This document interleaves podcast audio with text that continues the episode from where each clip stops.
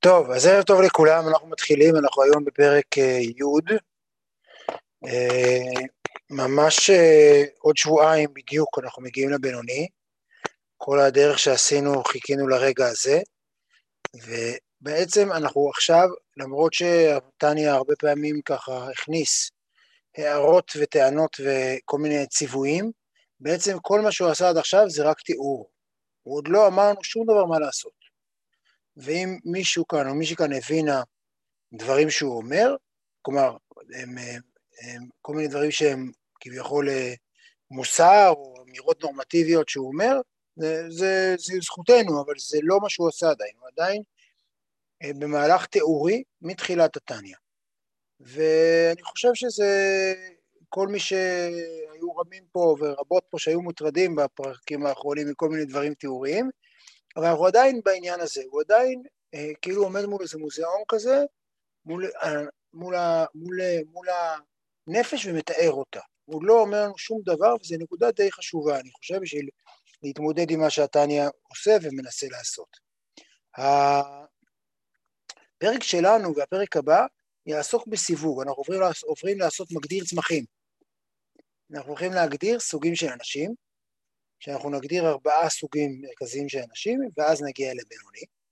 הארבעה סוגים האלה מוכרים לכם מהפרק הראשון, שזה צדיק ורע לו, צדיק וטוב לו, רשע וטוב לו, רשע ורע לו, שזה באופן שאנחנו, אה, שאותם הוא מפרש בשונה לגמרי מהאופן שבו אנחנו רגילים, מאופן הטבעי שאליו אנחנו נתייחס, אבל לפני שניכנס למגדיר הצמחים הזה, למגדיר הנשים הזה, שיש לו תפקיד מאוד מאוד משמעותי, הוא, לפני שאני אכנס למגדיר הזה, אני רק אחזור רגע ככה לפרקים, הרגע כללי, מזכיר לכולנו איפה היינו, ואז ניכנס לפרק, אה, לפרק י', אה, שהוא אחלה פרק בעיניי.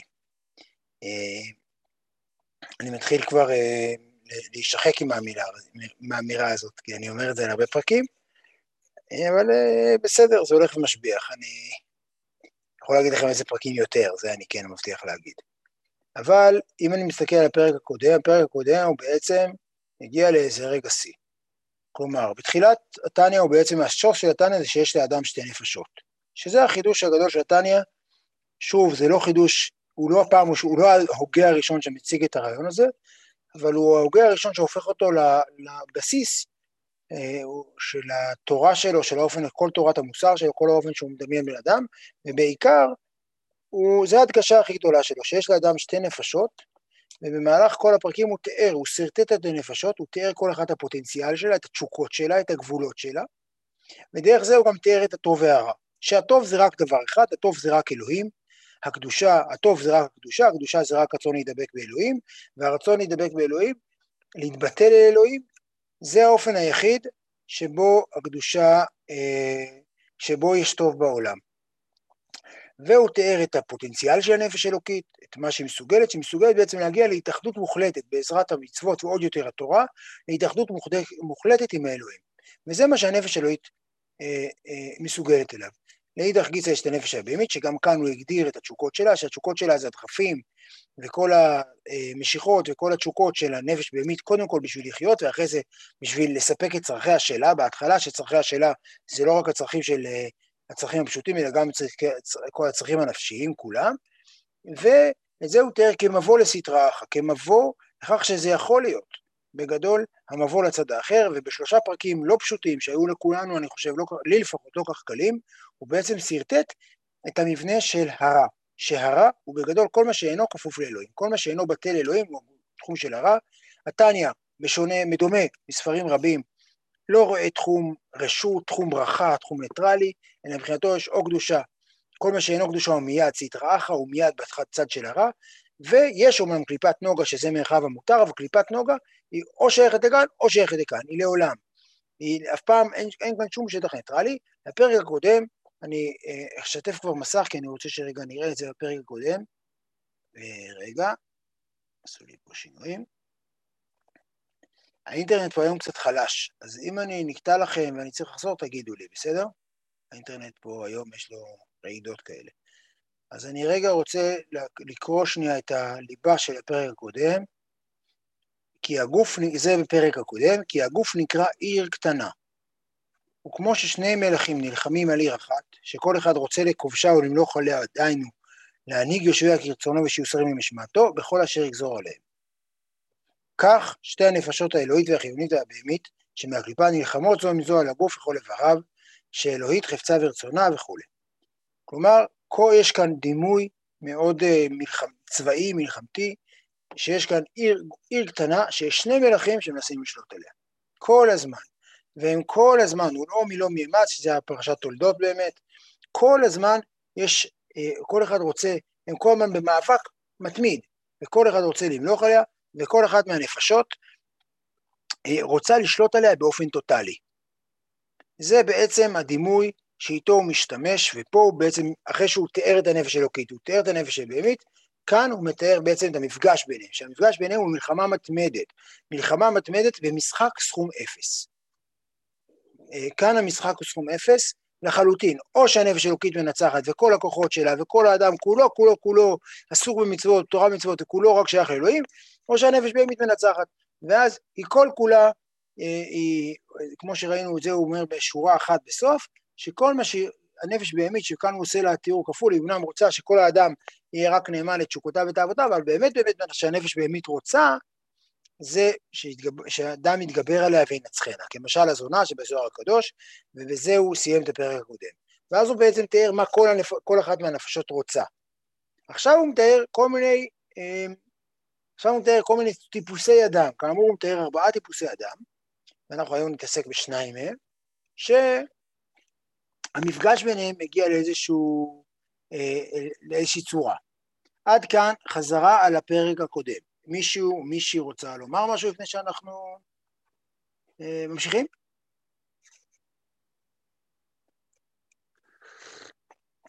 נהדר. והנה, רואים הכל, הכל בסדר? שולי, את רואה הכל בסדר? יופי. והנה כשהאדם מגביר נפשו האלוהית, ונלחם כל כך עם הבהמית, עד שמגרש ומבאר הרע שבה מחלל השמאלי. עוד שנייה, אני רק אשים פה איזה דיוק אחד שהוא מעניין ואנחנו נתעסק איתו עוד הרבה בהמשך. אה, יש פה אדם ויש פה נפש אלוקית ויש פה נפש בהמית. כביכול, עכשיו, עקרונית זה סותר את מה שהוא אמר קודם, שהאדם יש לו שתי נפשות. פה פתאום יש איזה אדם בסיסי שהוא הבסיס שמעבר לנפש אלוקית והיא מעבר לנפש הבהמית. בהמשך אנחנו נראה את זה, אבל באופן כללי הוא כן יגיד שהרגשות של האדם האותנטיים הם בגדול האדם מזדהה, האדם הרגיל, פה לא ולכן הוא לא משתמש בזה, אבל בדרך כלל האדם הרגיל, הבינוני, ההזדהות שלו הבסיסית זה עם הנפש הבהמית. כלומר, כשאני אומר אני, האני שאני מכיר, האדם שמעביר לכם את השיעור עכשיו זה נפש בהמית. ונפש אלוקית, סליחה, ונפש אלוקית היא, אה, היא רוב הפעמים, רוב הזמן האדם לא מזוהה איתה, היא לא הזיהוי האותנטי שלו רוב הזמן. וזה סוג של אתגר ואפילו טרגדיה במר, במקומות מסוימים. אבל כאן הוא מתאר תיאור אחר, שאנחנו, אני מציע ממש לשים לב לשאלה הזאת, כי זו שאלה, כי התניא לא לגמרי קוהרנטי במהלך הזה. כלומר, פתאום יש פה אדם ושתי נפשות. כלומר, איזה סוג של, האדם הוא אם אני אגיד את זה, האדם הוא עיר קטנה, הוא המרחב שבו ההכרעה הזאת קורית. אבל יש פה בעצם האדם, ויש פה נפש אלוקית ונפש בהמית. והנה כשהאדם מגביר נפשו האלוקית ונלחם כל כך עם הבהמית, עד שמגרש ומבאר הרע שבא מחלל השמאלי. הרי אמרנו שהרע שורה, הליבה שלו, המקום שבו הוא מתחיל, המקור שלו זה החלל השמאלי של הלב. בעוד שהנפש אלוקית מתחילה מהמוח, מהמוח ואז יש לה משכן בחלל הימני של הלב. האדם הזה מצליח לסלק את הרע מחלל השמאלי שבלב, כמו שכתוב, ויראת הרע מקרבך. אגב, שזה, אם אני עוד פעם בדיוקים, אני ככה, יש פה דברים, יש פה בקטנות, יש פה דברים יפים, כי ביארת הרע מקרבך, כתוב את זה בעצם במוציא שם רע ובספר דברים כ, כמעשה חברתי, שצריך לסלק את הרעים, סוג של אה, סלקציה חברתית כזאת. פה ויראת הרע מקרבך, הוא לא הופך את זה לשאלה ציבורית, אלא לשאלה פרטית. שזה באופן כללי מתאים לחסידות, שבעצם תה, תהליך של הפנמה של רוב הלכות, אה, שרוב רוב התורה הופכת להיות תהליך של הפנמה ולא תהליך חברתי, כלומר פחות מעניין אותו הציבור, פחות מעניין אותו הרעים האחרים, מעניין אותו הרע שבתוכך. ואין הרע נהפך לטוב ממש, כלומר אתה כרגע הוא, הוא, הוא מנצח. האדם הזה, הרע שבו נכנע, הוכנע לגמרי, הוא, הוא, הוא, הוא, הוא מגרש ומבאר את הרע, אבל אין הרע נהפך לטוב ממש. נקרא צדיק שאינו גמור, וצדיק ורע לו, שזה שני מושגים שפגשנו אותם בפרק הראשון. דהיינו, מה זה צדיק ורע לו? דהיינו שיש בו עדיין מעט מזעי רע בחלל השמאלי, אלא שכפוף ובטל הטוב מחמת מיעוטו. כלומר, האיש הזה יש עדיין רע, כלומר שימו לב, הוא אמר קודם מגרש ומבאר, זה לא שהרע התנדף. הרע נמצא, אבל הוא לא פעיל בכלל, הוא כבר לא בעצם, הוא, הוא, אין לו שום השפעה על האדם, אין לו שום השפעה על היומיום של האדם, אין לו שום השפעה על שום דבר. הוא כפוף ובטל הטוב מחמת מיעוטו. ולכן נדמה לו כי וגרשהו ואלך לו, כולו לגמרי. לכן הבן אדם הזה חושב, יכול לחשוב שאין לו כבר בכלל טוב, אין לו כבר בכלל רע. לכן, כלומר, שקודם אמרנו מגרש ומבאר, זה בעיני המתבונן, בעיני האדם עצמו. האדם עצמו חושב שהוא גירש, גירש וביער, אבל בעצם זה רק נדמה לו כי גרשו ואילך לו, כולו לגמרי. אבל באמת, לא. אבל באמת, אילו חלף והלך לו לגמרי, כל הרע שבו היה נהפך לטוב ממש. כלומר, האדם הראשון שהוא מציג כאן קוראים לו צדיק ורע לו. צדיק ורע לו, אין הכוונה כאן, לא, התניא לא מתעניין בכלל בשאלות של שכר. לא מתעניין בכלל בשאלות של עתיד. אמרתי לכם, אמרתי את זה כבר, תניא הוא ספר של ההווה. והצדיק ורע לו, זאת אומרת הוא צדיק שיש לו עדיין מעט רע. עכשיו הרע הזה הוא כפוף לבטל הטוב, דמיינו את העיר קטנה הזאתי, שיש בה את המלך השני שרוצה לכבוש אותה, אבל המלך הזה כפות ואזוק באיזה מגדל, באיזה כלא בתוך העיר. הוא עדיין נמצא, אבל אין לו שום משמעות. אין הוא, לא משמיע, הוא לא משפיע כהוא זה על התנהלות של העיר, וכבר אין שום מלחמה. הצדיק הזה, באופן כללי כל האדם הצדיק, שעליו מדבר כל היום הזה, כל הערב היום, הצדיק הוא אדם שאין כבר מלחמה אצלו. המלחמה הסתיימה. הוא הצליח לנוון לחלוטין את הרע. האיש הזה כפות, המלך השני, הנפש הבהמית, המלך השני בדימוי שבעל התניא, כפות ואזוק ולא יודע מה, באיזה, באיזה בור בעיר. אין לו שום השפעה. אבל הנוכחות שלו, מאחר והבור הזה הוא בור, מאחר והאדם הזה הוא, זה נפש, אין הכוונה כאן לבור, האדם הזה עוד משפיע. ותכף נראה מה ההשפעה הזאת, אבל זה נראה, וזו נקודה מאוד עקרונית שבבינוני בהמשך נראה כמה זה דרמטי השאלה מה נראה ומה באמת, אבל זה נראה כאילו אה, אה, הוא כבר לא, הוא כבר גורש לחלוטין, אבל באמת באמת באמת הוא עדיין נמצא והוא עדיין אה, משפיע. אה, באופן מסוים שתכף נראה אותו. וזה הצדיק ורע לו, שהוא גם צדיק שאינו גמור, שגם זה הגדרה שדיברנו קודם. וביאור העניין, עכשיו הוא יסביר, הוא הולך לעשות, הוא הולך להסביר לנו מה זה צדיק גמור, בשביל זה הוא, אחרי זה הוא יסביר לנו מה זה צדיק שאינו גמור, מה זה צדיק ורע לו. עכשיו הוא יסביר מה זה צדיק וטוב לו. שזה, צריך להגיד כאן שזה מודל אחר לגמרי. כלומר, ההבדל בין צדיק ורע לצדיק וטוב לו, ששניהם מעל ומעבר. כן, שניהם מודלים מופלאים, שניהם אנשים, יצורים אה, מאוד מאוד אה, אה, מחוץ להיכרות של רוב האנשים, עדיין הוא מאוד חשוב לדקדק כאן, ותכף נבין שזה רלוונטי גם אלינו.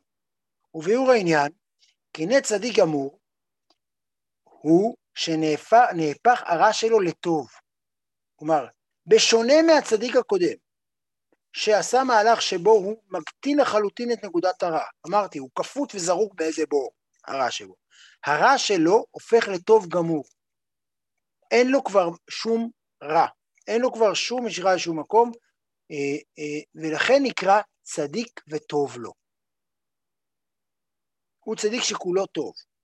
הוא על ידי הסרת הבגדים הצועים לגמרי מהרע.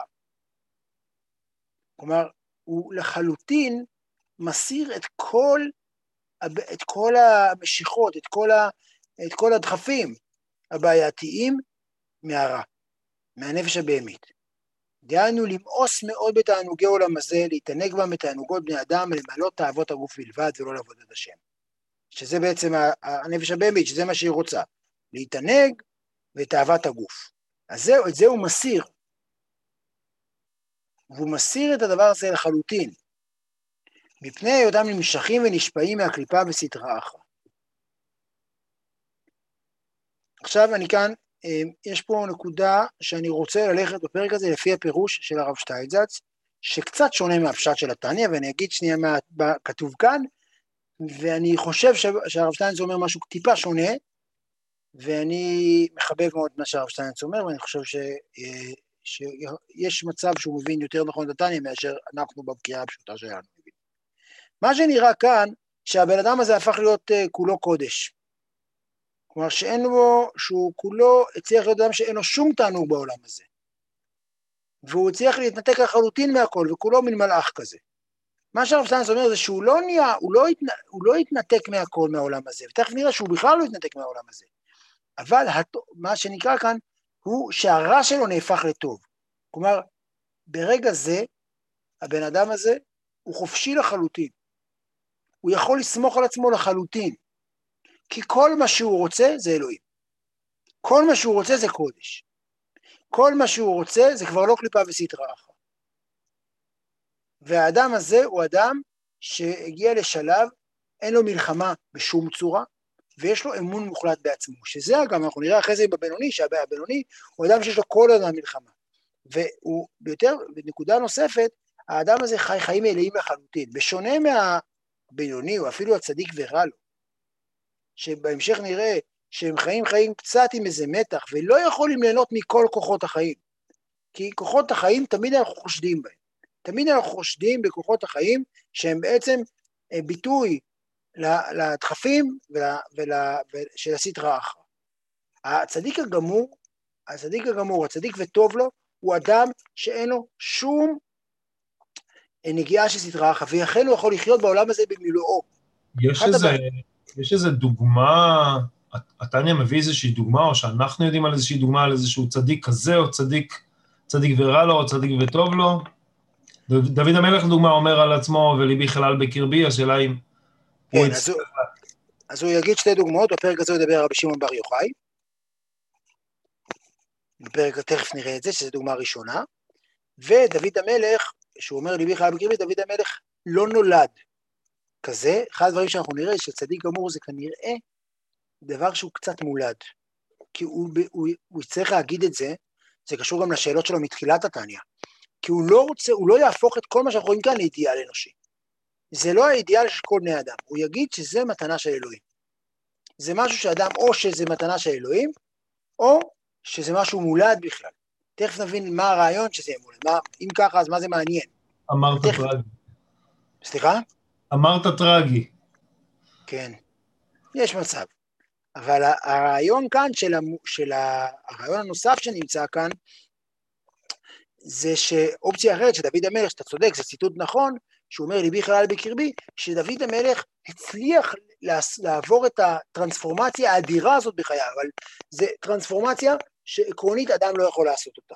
היא משהו שאדם אינו יכול לעשות אותה, וזה נקודה שבדרך כלל אנחנו לא, אה, אה, בשונה מהרבה ספרים, האידיאל של הצדיק איננו אידיאל. אין כאן, אין אידיאל, אה, אה, אה, בתניא אין אידיאל להיות צדיק. הדבר הזה שהוא מראה לנו עכשיו, הוא, שהוא במידה מסוימת... זה קשור לזה שזה פשוט לא בר השגה לפי מה שאתה אומר. כאילו משהו לא יכול להיות אידיאלי אם הוא לא בר השגה. נכון, אי אפשר להגיע אליו, אבל יותר מזה, הוא גם לא נכון. כי אתה ננסה לשכנע אותנו בהמשך כל הספר, שהצדיק הוא לא, הוא לא מעניין. כלומר, כאן אנחנו, היום אנחנו נתלהב מהצדיק ונתרגש ממנו, אני מקווה. אה, אני, לפחות בשביל אה, לקרוא את הפרק כמו שצריך. בהמשך הוא יגיד לנו, תשמעו, אבל זה לא מעניין, זה לא, מש... לא בשביל זה הקדוש ברוך הוא ברא את העולם. האדם הזה הוא לא כל כך, ה... ה... הוא לא המטרה של בריאת העולם, זה מה שהוא ינסה להציע לנו בהמשך. אבל אה, בואו ננסה כן להבין באמת מה הבן אדם הזה. בכל אופן, ו, אה, אז האדם הזה, אני אומר שוב, אני הסברתי קודם שהתניא אומר שהוא לחלוטין גירש, כל, הוא גירש את כל התשוקות, את כל הזה ואת כל העולם הזה. זה- הרב שטיינץ מפרש את זה טיפה אחרת, ואני חושב שהפירוש שלו קולע מהרבה בחינות, שהוא לרעיון של הפך את הרע לטוב. שכל הדחפים, יש אצלו את כל הדחפים, אבל כל פעם שהוא שותה קפה, זה קורבן להשם. כל פעם שהוא מפטפט עם חבר, זה קורבן להשם. כל פעם, אותו דבר, זה הכל, והוא מספר שם בביאור תניא, הוא מספר רבי לוי יצחק מברדיצ'ב, שסיפרו עליו נפלאות, ואז ראו אותו, הוא בא לבעל שם טוב, והוא אכל ושתה, וכל התלמידים באו לבעל שם טוב, אמרו לו, מה זה? הרבי לוי יצחק, לוי יצחק הזה שהבאת הוא איש סתם, הוא אומר, תשמעו, כל ביס שהוא עושה זה קודש קודשים. כל פטפוט שלו זה קדושה גדולה. עכשיו, צריך להגיד את זה, זה הצדיק גמור, אי אפשר להשיג איזה מסקנות לכל אדם, התניא לא כך מהר יעשה לנו את הטובה הזאת. אבל כן, יש פה את הרעיון הזה של, אה, של להפוך את הרע לטוב. כלומר, את כל העוצמות של הרע הוא הופך אותם לטוב. הוא לא רק מגרש אותם, הוא לא רק משבית אותם, אלא בעצם יש פה היפוך מוחלט, שזה יש רק בצדיק וטוב.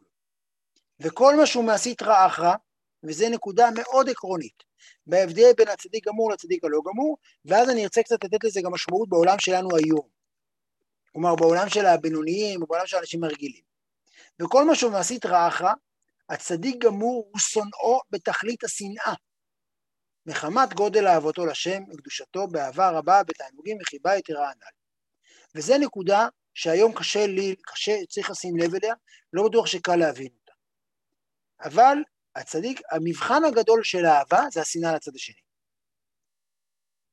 וזה נראה לפעמים קצת הפוך, שמי שנורא שונא, סימן שיש לו בעיות באהבה. כלומר, מה אתה עסוק בלשנוא אחרים? זה שאתה אוהב את אשתך, זה אומר שאתה צריך לשנוא את שאר האנשים?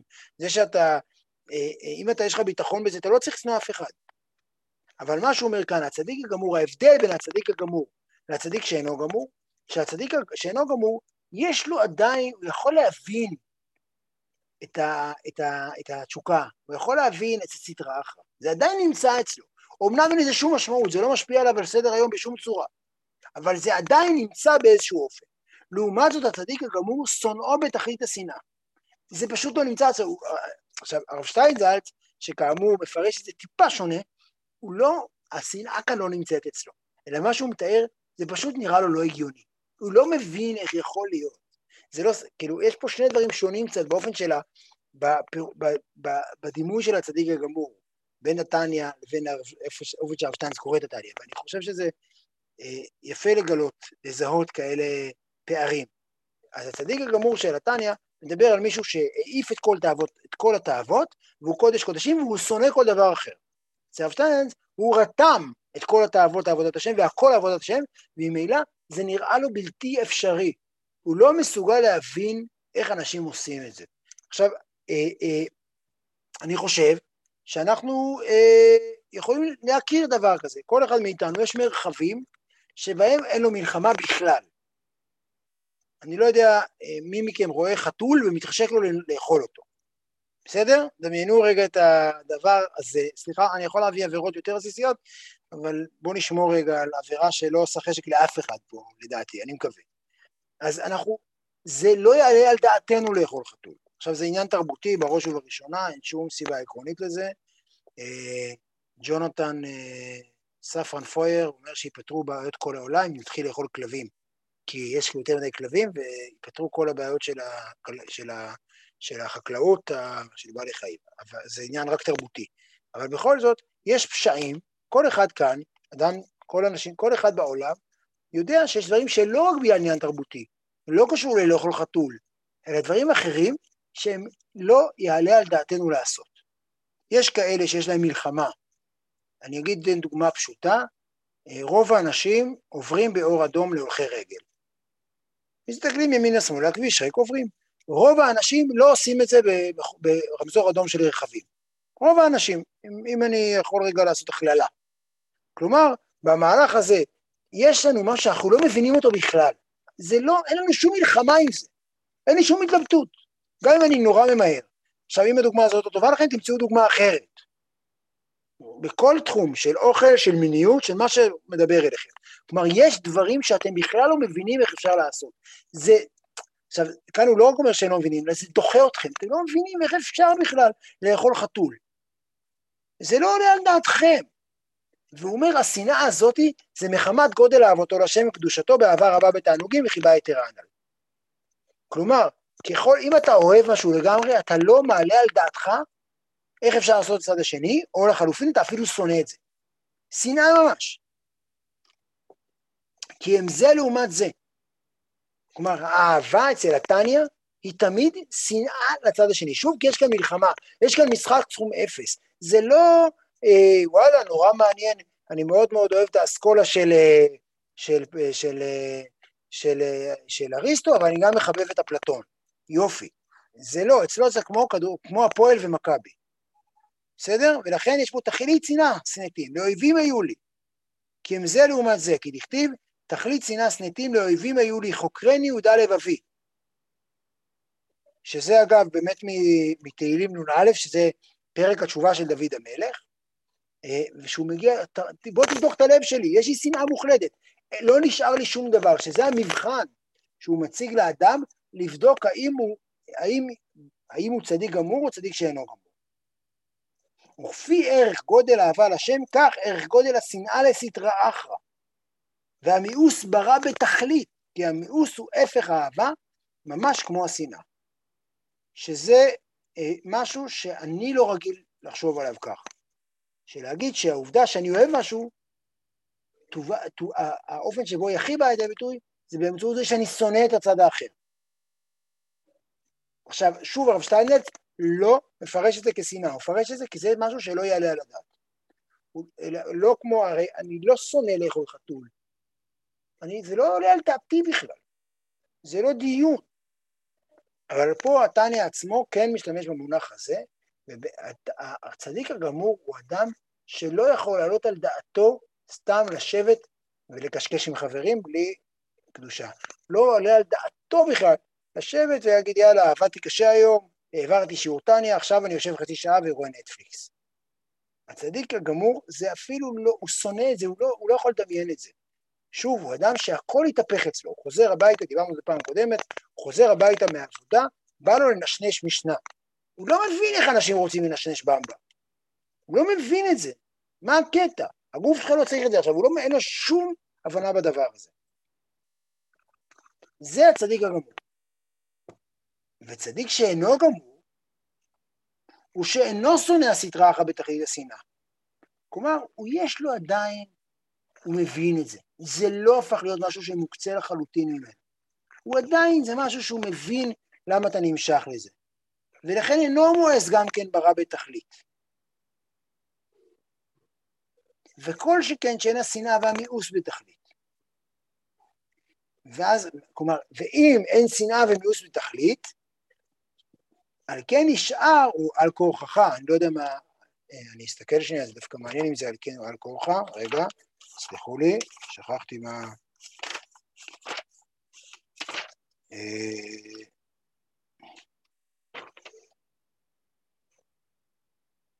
ועל כן, סליחה. אה, על כן נשאר את שמץ אהבה ותענוג לשם, לשם, ולא הוסרו הבגדים הצועים לגמרי מכל וכול. ולכן לא נהפך לטוב ממש. מאחר שיש לו איזו אחיזה עדיין בבגדים מצויים, אלא שהוא בטל במיעוטו וקולו חשיב, ולכן נקרא צדיק ורע לו, כפוף ובטל לו. כלומר, הוא, אה, הוא, הוא, יש לו רע, הוא כפוף לגמרי, אבל עדיין הוא מבין את זה. זה לא הפך להיות משהו שזר לו לחלוטין. זה לא הפך להיות משהו שהוא בכלל לא מבין איך אפשר להתחבר אליו. וזה הרעיון של הצדיק שאינו גמור. שיש לו עדיין אמפתיה לזה, יש לו עדיין חיבור לזה. ועל כן גם אהבתו לשם אינו בתכלית.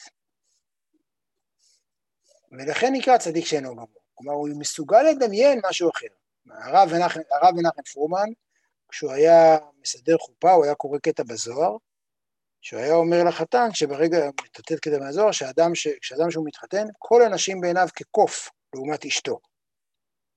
שאדם שאוהב את אשתו לגמרי, הוא לא יכול לחשוב בכלל שנשים אחרות רלוונטיות, הן לראות בעיניו אופי סוף של שימפנזות. וזה לא, וזה לא מעניין אותו. וזה בדיוק הרעיון שיש כאן, שמי שלגמרי אוהב את אלוהים, מי שלגמרי מצוי בזה והרע לא דומיננטי, ממילא הוא, אה, הוא, הוא אה, לא, לא יכול לשאת את הרע בכלל. כל בן אדם נראה לו מוזר והזוי, הוא לא מבין איך אנשים עושים דברים אחרים. והנה, בסדר עד כאן? מישהו רוצה להגיד משהו? אוקיי.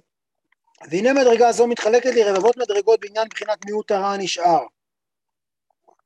מאחת מארבע יסודות הרעים, ובעניין ביטולו במיעוטו בשישים על דרך משל, או באלף רבבה וכיוצא על דרך משל. כלומר, הצדיק ורע לו הוא מנעד אדיר. האם נשאר פה אחד משישים, אחד מאלף או אחד מעשרת אלפים? שוב, זה נראה לנו כלום, מה זה משנה? אחד מעשרת אלפים זה כלום, וזה הרי לאין ארוך מאשר אחד משישים, זה, זה, זה פער אדיר, ובכל זאת מבחינתו זו אותה קטגוריה.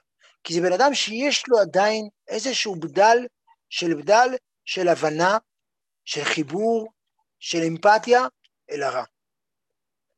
הצדיק הגמור זה דרגה אחת. צדיק הגמור אין הרבה דרגות, הצדיק הגמור זה דרגה מאוד מאוד ברורה.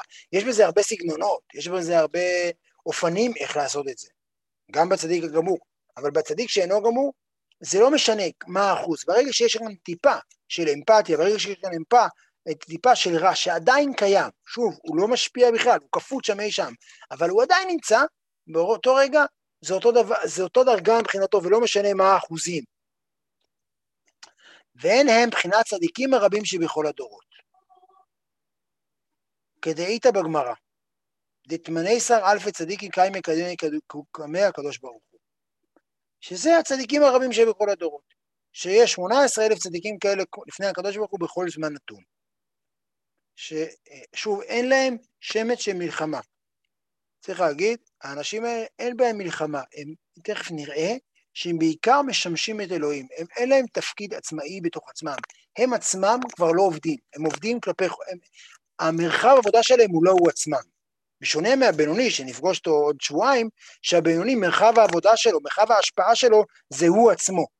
הצדיק, מרחב העבודה שלו כבר גמור, הוא, הוא, הוא, הוא סיים שם את העבודה, ויהיה לו, לו תפקידים אחרים בעולמו של אלוהים, ולכן זה קיימי, קיימי, קיימי קודש, קיימים לפני אלוהים. אך על מעלה צדיק גמור, הוא שאמר רבי שמעון בר יוחאי, זה מה שאמרתי קודם, שכנראה רבי שמעון בר יוחאי, לפי מה שנראה פה, שייך למדרגה הזאתי, ראיתי בני עלייה והיו מועטים. שזה על הל"ו צדיקים, או משהו כזה, שזה כל מיני מספרים, לא כל כך משנה כמה, אבל זה חיה נדירה לחלוטין. אני צריך, האופן שהתניא מתייחס לזה, זה, הוא לא בטוח שהוא מתייחס לזה כאותו בעל חיים כמו, כמו בן אדם. כלומר, הצדיק הוא, הוא מוטציה. זה המוטציה, זה ביטוי שהרשנזי יגיד מפורשות בהמשך, אבל הצדיק הוא סוג של מוטציה, הוא לא, הוא בריאה אחרת. הוא במקרה נראה אותו דבר. אגב, גם הצדיק ורע לו והצדיק וטוב לו, הם נראים אותו דבר מבחוץ, ואפילו בתוך עצמם מרגישים אותו דבר אולי, אבל יש יצורים אחרים לגמרי, שיש להם תפקיד אחר לגמרי בכל המהלך של הבריאה האלוהית. שלכן נקראים בני עלייה. טוב, ראיתי בני עלייה והם מועטים, לפיכך שתלן בכל דור. בכל דור.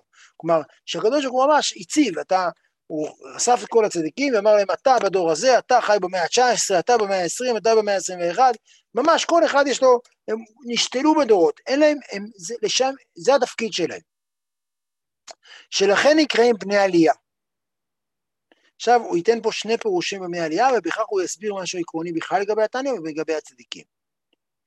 למה נקראים בני עלייה? שמהפכין הרע ומעלין אותו לקדושה. כי אנחנו מדברים כרגע עכשיו על הצדיק הגמור, שהוא הצליח לקחת את כל הכוחות שבעולם והכל אצלו קדוש. אין אצלו, בעולם שלו כבר אין שום טומאה, הוא לא רואה טומאה. הוא לא רואה סטרא אחת, והוא גם ממילא לא נמשך לשום סטרא אחת. אז באופן הזה, את כל הכוחות שלו, את כל הכוחות הפיזיים, את הגוף, את כל הכוחות של הגופניים, את כל הדברים הגשמיים, הכל אצלו קדוש. כדאית בזוהר, בהקדמה, שכשרצה רבי חייא לעלות להיכל רבי שמעון בר יוחאי, כן, שזה, לכן גם רבי חייא ניסה להגיע להיכל רבי שמעון בר יוחאי שהוא צדיק גמור, שמע קל הנפיק ואמר, שמע קול יוצא ואומר, מה מנחון, מי מכם, דיחשוך מהפכן לנאורה, שאת החושך הופך לאור, וטעם מר למתוק, טעם מריר ולמיתקה, עד לא יתונחה. כלומר, הבני עלייה, המדור של רבי שמעון בר חי, המדור של הצדיקים הגמורים, הוא מדור שמי שהצליח לממתיק את כל המר למתוק. כאן המונח של להמתיק, של המתקה נמצא כבר פה, אנחנו, מונח שנמצא בו הרבה, הכוונה כאן להמתיק את, ה, את הרע ביסודו. אין כאן הרע, אין כאן דבר שלהמתיק את הרע באמצעות זה שמסתירים את הרע, אלא באמצעות זה שהופכים את הרע לטוב. אה, דימוי אה, אה, שהרב שטיינץ הביא אותו הרבה מאוד פעמים, זה דימוי של בצל. בצל, אם עכשיו מישהו ייקח כאן איך המגירה ויקח ביס מבצל, יהיה לו כנראה מאוד מאוד מאוד חריף, הוא אמר, אני לא חריף כנראה, והוא יבכה וכל העניין הזה, יהיה לו דמעות מהעיניים, אבל אם יבשלו את הבצל זמן, הוא הופך למתוק. זה להמתיק את הרע בשורשו. זה לא באמצעות זה שאני דוחף את הבצל עמוק במגירה ואני לא אוכל אותו, או באמצעות זה שאני שופך עליו המון המון סוכר, אלא באמצעות זה שמתוכו עצמו אני הופך אותו למתוק. וזה מה שהצדיק הגמור עושה. הצדיק הגמור בעצם כל העולם, הוא הופך את כל העולם, שכל העולם, העולם שקודם היה חושך, שבעל התניא התייחס אליו, כל העולם חושך וקליפות וטורו דה פירודה וטה טה טה טה טם, העולם הזה הופך להיות עולם שכולו אור. וכל הדברים הגשמיים והבצל הזה הופך להיות לגמרי לגמרי מתוק. וזה בעצם הצדיק הגמור. ולכן הוא בני עלייה. למה הוא בני עלייה? שהוא מעלה את כל העולם לקדושה. כלומר, עכשיו, זה נורא, הוא, התפקיד הזה שלו הוא לא תפקיד לעצמו. הוא בעצם, הוא בעצם סוג של אלומת אור, שהוא מייצר עבור כל העולם, ובעזרת אלומת האור הזו הוא מראה איזה סוג של פוטנציאל עבור כולן. שהוא מראה שאפשר שה, שה, שכל התשוקות והכל יהיה קודש קודשים. כי רבי יהודה הנשיא שדיברנו עליו, אני חושב שרבי יהודה הנשיא אולי זו דוגמה, אני לא, הוא לא כותב את זה כאן, אבל הוא הזכיר אותו קודם כאחד שלא נהנה מהעולם הזה, בכל זאת חי חיי פאר. רבי יהודה הנשיא מראה לנו שאין בה, בעולם הזה, אפשר להפוך את כל העולם לקדושה. ולכן זה תפקיד, אה, זה לא רק תפקיד בעולם השמימי, זה תפקיד ציבורי, זה תפקיד מול האנשים, להראות שהדבר אפשרי, שהקדושה אה, היא דבר שיכול, שהעולם יכול להיות קדוש. כרגע בעיניים שלנו העולם הוא חשוך וריק ומנוכר, ואלוהים איננו נמצא בו. בעולם של הצדיק הגמור, העולם רצוף כולו אלוהים. ולכן הוא בני עלייה. הוא מצליח להעלות את כל העולם אלוהים, הוא מצליח לשנ... לה... להסיר איזה מסך מכל העולם, ולכן הוא נקרא בני עלייה. ועוד, עכשיו מביא טעם אחר, למה נקראים בני עלייה? ועוד נקראים בני עלייה, מפני שגם עבודתם בבחינת ועשה טוב, כלומר לא רק עבודתם של ה...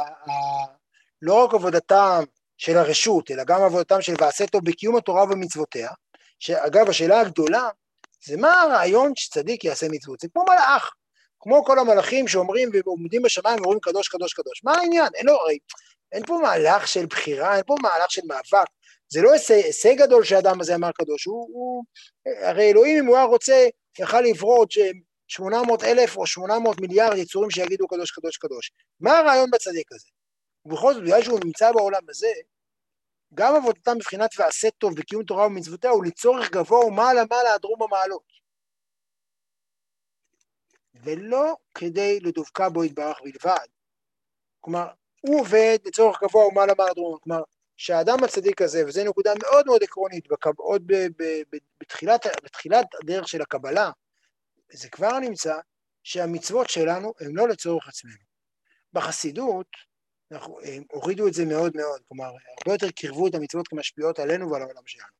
אבל האדם המקובל, כאשר הוא מקיים מצוות, הוא בכלל לא פועל בעולם הזה, הוא משפיע על עולמות אלוהים, הוא מחבר בין הספירות, הוא, מייחד קודשה ברוך הוא שכינתה, הוא מחבר את היסוד למלכות, ואחרי זה הוא מחבר את המלכות חזרה לתפארת, ואחרי זה הוא משרה בת הכתר, הוא עושה כל מיני עבודות באמצעות זה שהוא לוקח פה אתרוג ומחבר אותו אליו, הוא מחבר כל מיני חלקים באלוקות שהתפזרה ו- וקרו לה כל מיני מהלכים של משבר והתרחבות. אז העבודה של הבן עלייה הזה, כי עבודתו היא למעלה, הוא עובד כאן, אבל ההשפעה של העבודה שלו היא צורך גבוה. כלומר, התפקיד שלו הוא בכלל לא כלפי עצמו, הוא לצורך אלוהים. לעומת זאת, האופן שרוב האנשים מקיימים מצוות, ולא, ולא כדי דבקה בו יתברך בלבד, לרבות צמאון נפשם עצמאה לשם.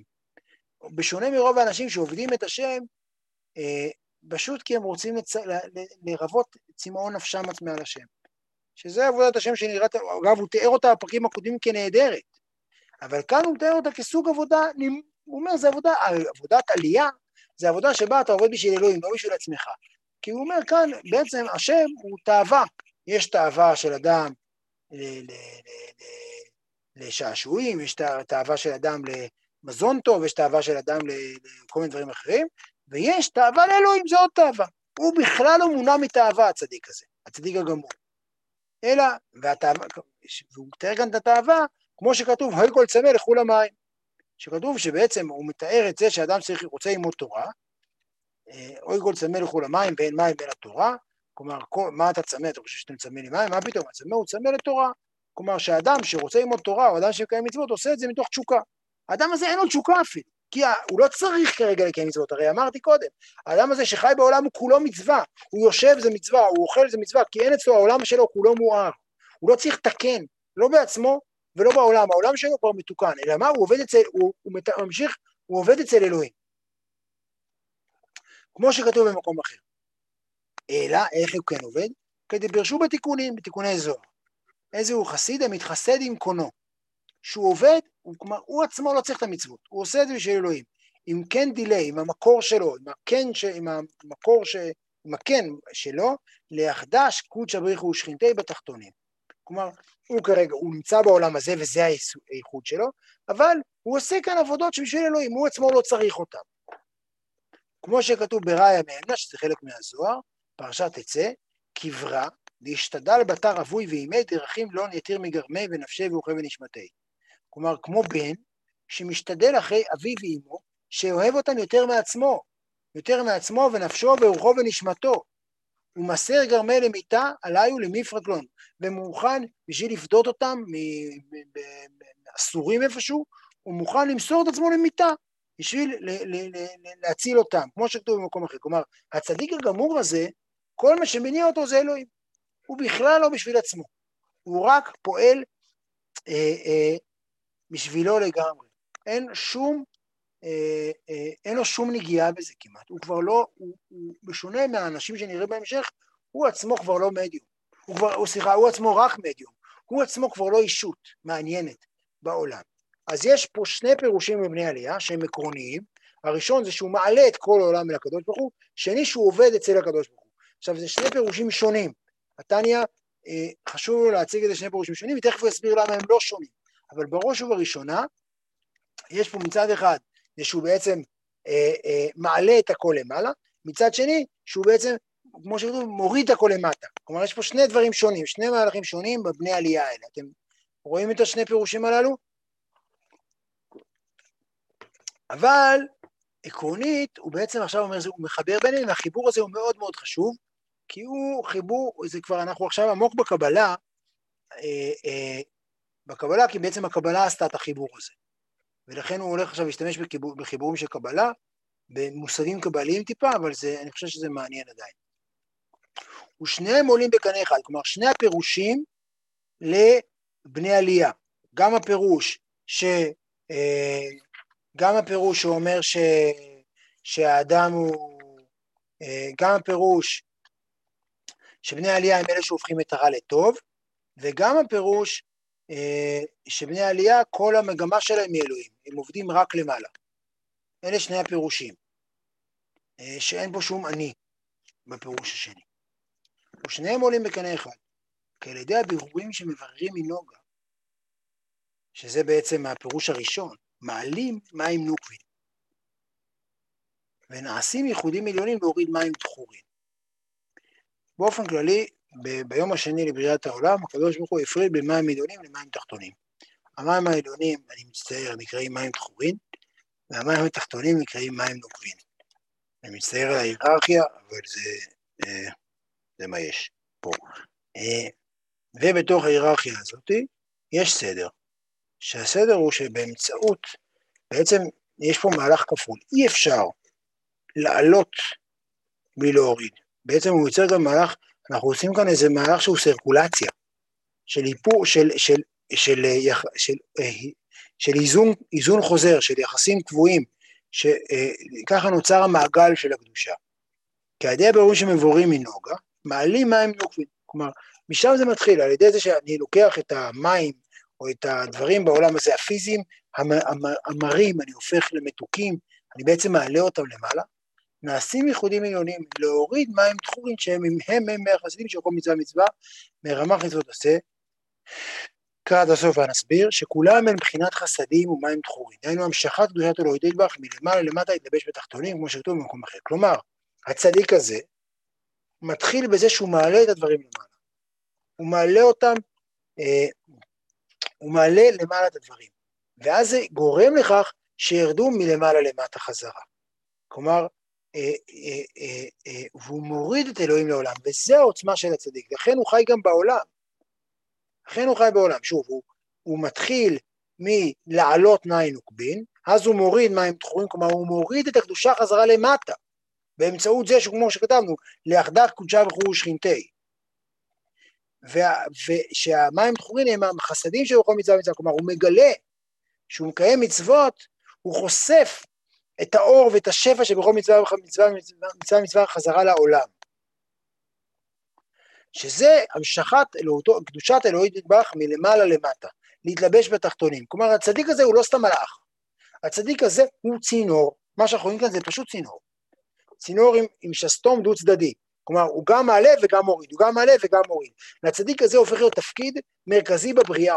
הוא הופך להיות, אם אמרנו שבבריאת, ביום השני לבריאה הקדוש ברוך הוא הפריד מים עליונים ומים תחתונים, אז הצדיק הזה, התפקיד שלו זה להיות זה שמצליח כל הזמן לחבר ביניהם.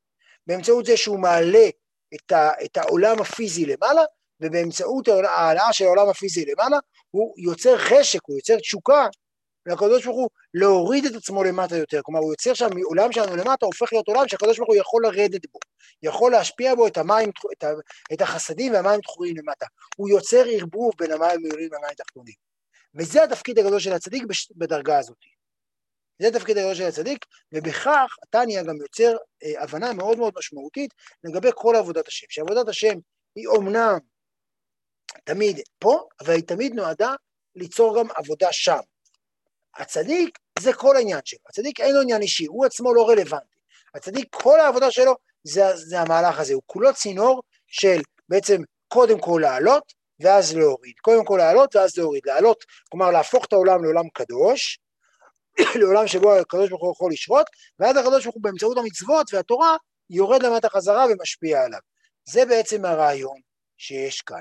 אנחנו סיימנו את הפרק, אה, ואני, אה, אה, אז בגדול, מה שהיה לנו כאן, זה שיש לנו צדיק שאינו גמור, צדיק שאינו גמור הוא צדיק שיש בו עדיין רע, ממילא יש לו עדיין הבנה ואמפתיה אל הרע, ממילא הוא לא שונא עד הסוף את הרע, את ה, הוא, לא, הוא עדיין מסוגל להבין אותו, ובשונה מזה יש צדיק גמור, שצדיק גמור הוא צדיק שאין לו, הוא לחלוטין עקר כל יסוד של רע מתוכו, הוא לחלוטין, אה, אה, כל העולם שלו הוא אור, ממילא יש לו אה, תפקיד, התפקיד שלו אינו הוא עצמו, אלא התפקיד שלו הוא תמיד, הוא תפקיד, הוא אפילו לא תפקיד ציבורי, אלא הוא תפקיד קוסמי, הוא תפקיד של כל הגלקסיה, הוא, יש שניים כאלה בכל דור, אחד כזה בדור, כי הוא מייצר כאן משהו שמאפשר. אה, בחסידות, לא בכדי, הצדיק הזה הופך להיות גם אדם שכדאי להתקרב אליו. יכול להיות שדיברנו על זה באיזשהו שלב, ומן הסתם נדבר על זה גם עוד. הצדיק הזה הופך להיות איזה סוג של אה, אה, צינור שדרכו, שאם אנחנו נאחז בו באיזושהי צורה, או נתקרב אליו, נוכל להיות חלק מהמהלך הזה. זה היה פרק י'. מישהו רוצה לומר משהו, לשאול משהו? אני פשוט לא מבינה את הסיפור של השנאה. לא יודעת, זה לא מסת... כי כאילו אתה אומר שמי שצדיק לא גמור, בסדר? עדיין, הוא לא מצליח לשנוא עד הסוף. זה מה שאמרת. נכון. אז הצדיק הגמור שונא, מה, מה, אז מה הצדיק, כאילו קשה לי לדמיין אדם שאתה מתאר אותו כצדיק גמור שהוא כזה, הוא כמו, כמו איזה גרם שמימי כאילו, כאדם שגם שונא בצורה כל כך תהומית, זה פשוט לא... לא, אני לא מצליחה, לה... זה לא מצליח להתיישב לי. אני מסכים איתך מאוד, אני חושב שלכן הרב שטיינלץ לא מפרש את זה ככה. לכן הרב שטיינץ מפרש את זה. אולי שנאה זה בעניין של הדחייה, זאת אומרת, כמה הוא אומר שהוא דוחה אותו מכל וכל, זאת אומרת, לא, לא מנסה להעלות את, ה, את המשהו הרע הזה וזה, פשוט ביטל אותו לגמרי. כן, אבל הוא כן מעלה אותו, הוא כן חי בעולם שכולו רצוף אהבה הזאת, הוא כן חי בעולם שבו הוא, הוא כן מעלה את הרע לטוב, הוא כן מעלה את העולם הזה, כלומר, הוא, הוא חי בעולם הזה, הוא לא רצוף אהבה, אז לא יכול להיות ששנאה זה האירוע, כאילו... שמבדיל, שהשנאה, איזושהי שנאה תהומית היא זו שמבדילה אותו. מ- מהעולם, כאילו זה לא- פשוט לא מסתדר, לא יודעת, כאילו זה לא הסתד- לא מסתדר לי כאילו בפשט, לא יודעת, לא מסתדר פשוט. אז לכן אני, אני כרגע נשען, בואו נשען שנייה על הרב שטיינלץ, אם הוא בסדר מצידנו, ומה שהרב שטיינלץ אומר, זה שהוא לא מסוגל להבין את זה, הוא לא מסוגל להבין התנהגות אחרת. זה מה שהוא אומר. עכשיו, אני חושב שדווקא זה מצטרף מצוין לאהבה. כלומר, הוא לא, הוא רואה מישהו שאוכל, הוא לא מעלה על הדעת שהוא אוכל סתם למלא את אהבתו. כי הוא לא יודע מה זה, אין לו שום הבנה מה זה, הוא לא יכול לראות בן אדם שעושה את זה, וזה זה לא מדבר אליו בכלל. לא יודע, כל אחד כאן יודע שיש דברים שהוא, זה לא מדבר אליי. זה בכלל לא עושה לי חשק הדאגה הזאת. אני לא מבין, לא יודע, כאילו, אני לא יודע, לא רוצה לתת דוגמאות, אבל ה- ה- ה- הסיפור הזה, שזה משהו שלא נוגע לי, זה, זה, זה, זה, זה הזוי. אני מסכים איתך שהמילה שנאה פה היא מילה קשה מאוד. אנחנו באופן כללי, אנחנו בעולם, אני חי בעולם, שבו שנאה זה, זה בעיקר רגש נחות ובעיקר מעיד על משהו לא פתור אצלך. לא מעיד על משהו פתור, ופה הוא מנסה לייצר משהו אחר. כאשר, אה, לא יודע מה, אני פעם אה, ניסיתי ש, שדיברו, היה כל מיני אנשים שדיברו נורא ואיום נגד אה, קהילה להט"בית וכל מיני דברים כאלה, לא הרגשתי שהשנאה הזאת מבטאת אצלם אהבה לאלוהים. הרגשתי שזה סתם מבטא אצלם שנאה. שלא ראיתי בזה... אני מסכים, אני מסכים עם הטענה, ולכן אני מאוד שמח שהביאור של הרב שטיינץ פה עושה עבודה, שבה הוא, הוא כן יוצר אדם שלם, הוא יוצר אדם שרואה רק טוב, שלא מסוגל להבין דבר אחר, וככה הוא מסביר את השנאה, זה לא מתיישב לגמרי בפשט של התניא, צריך להגיד את זה. אני, אני רציתי לשאול על הקטע האחרון יותר, זה כאילו, מה ההבדל באמת בין, בין הצדיק הגמור לזה שאינו גמור? כי גם הצדיק שאינו גמור, הוא גם יכול לעשות כל מיני, אה, להשפיע שפע, להעלות אה, דברים אה, לשורשם וכולי וכולי, זאת אומרת, למה הוא מעלה, למה הוא אומר שדווקא זה, זה המעלה הגדולה של הצדיק הגמור? כי הצדיק הגמור הוא האדם היחיד שבו הוא הצליח להפוך את העולם שלנו הנוכחי לעולם שכולו אלוקית, אלוקות. הצדיק שאינו גמור, הוא עדיין לא הפך את העולם כולו לעולם שכולו אלוקות, הוא עדיין יש רע בעולם שלו שהוא מתמודד איתו. עכשיו, הוא מתמודד איתו באופן, הוא ניצח אותו, הוא ניוון אותו עד הקצה, אבל הוא עדיין לא יצר מצב שבו המים התחתונים, שבו הוא יצר מראה. בעצם הצדיק הגמור יצר זהות בין המים העליונים למים התחתונים. הצדיק שאינו גמור עדיין לא יצר את המראה הזאת, הוא עדיין יש לו, הוא עדיין מסוגל, הוא עדיין יש לו תשוקה איפשהו בתוכו. ולכן הוא לא שחקן בתוך העולם, ה... הוא לא שחקן אלוקים מוחלט, הוא עדיין משהו, אה, אה, אה, הוא עדיין יצור בתוך העולם הזה. הוא עדיין חלק מהמשחק פה, הוא תפקיד גדול, כן, הוא צדיק גדול, והוא יכול להיות שהוא רבי גדול, אבל יש לו תפקיד אחר בעניין הזה. עד כאן, חברים, נראה לי שאפשר לעצור כאן. אני מודה לכולם, שבוע הבא נעסוק ברשעים. זה יותר, אולי זה יותר רלוונטי למישהו כאן. אבל הצדיקים, אני חושב שהפרק הזה הוא פרק מאוד מאוד חזק, כי הוא, אה, הוא משנה את הפוקוס. הפוקוס הוא לא האדם בכלל, הפוקוס זה מה קורה לעולם, אה, והסיפור של השנאה פה הוא באמת באמת מורכב ומעניין. אבל הפוקוס, שהוא עושה גם בסוגריים האחרונים בסוף, מי, ה, מי, ה, מי האדם, הוא בעצם אומר, האדם הזה הוא לא שחקן בחיים של עצמו, הוא שחקן בחיים של העולם. זה בעצם מה שהוא מציג כאן, וזה המודל שהוא מציג כאן. זה הכל, תודה לכולם, שבוע טוב, להתראות. תודה.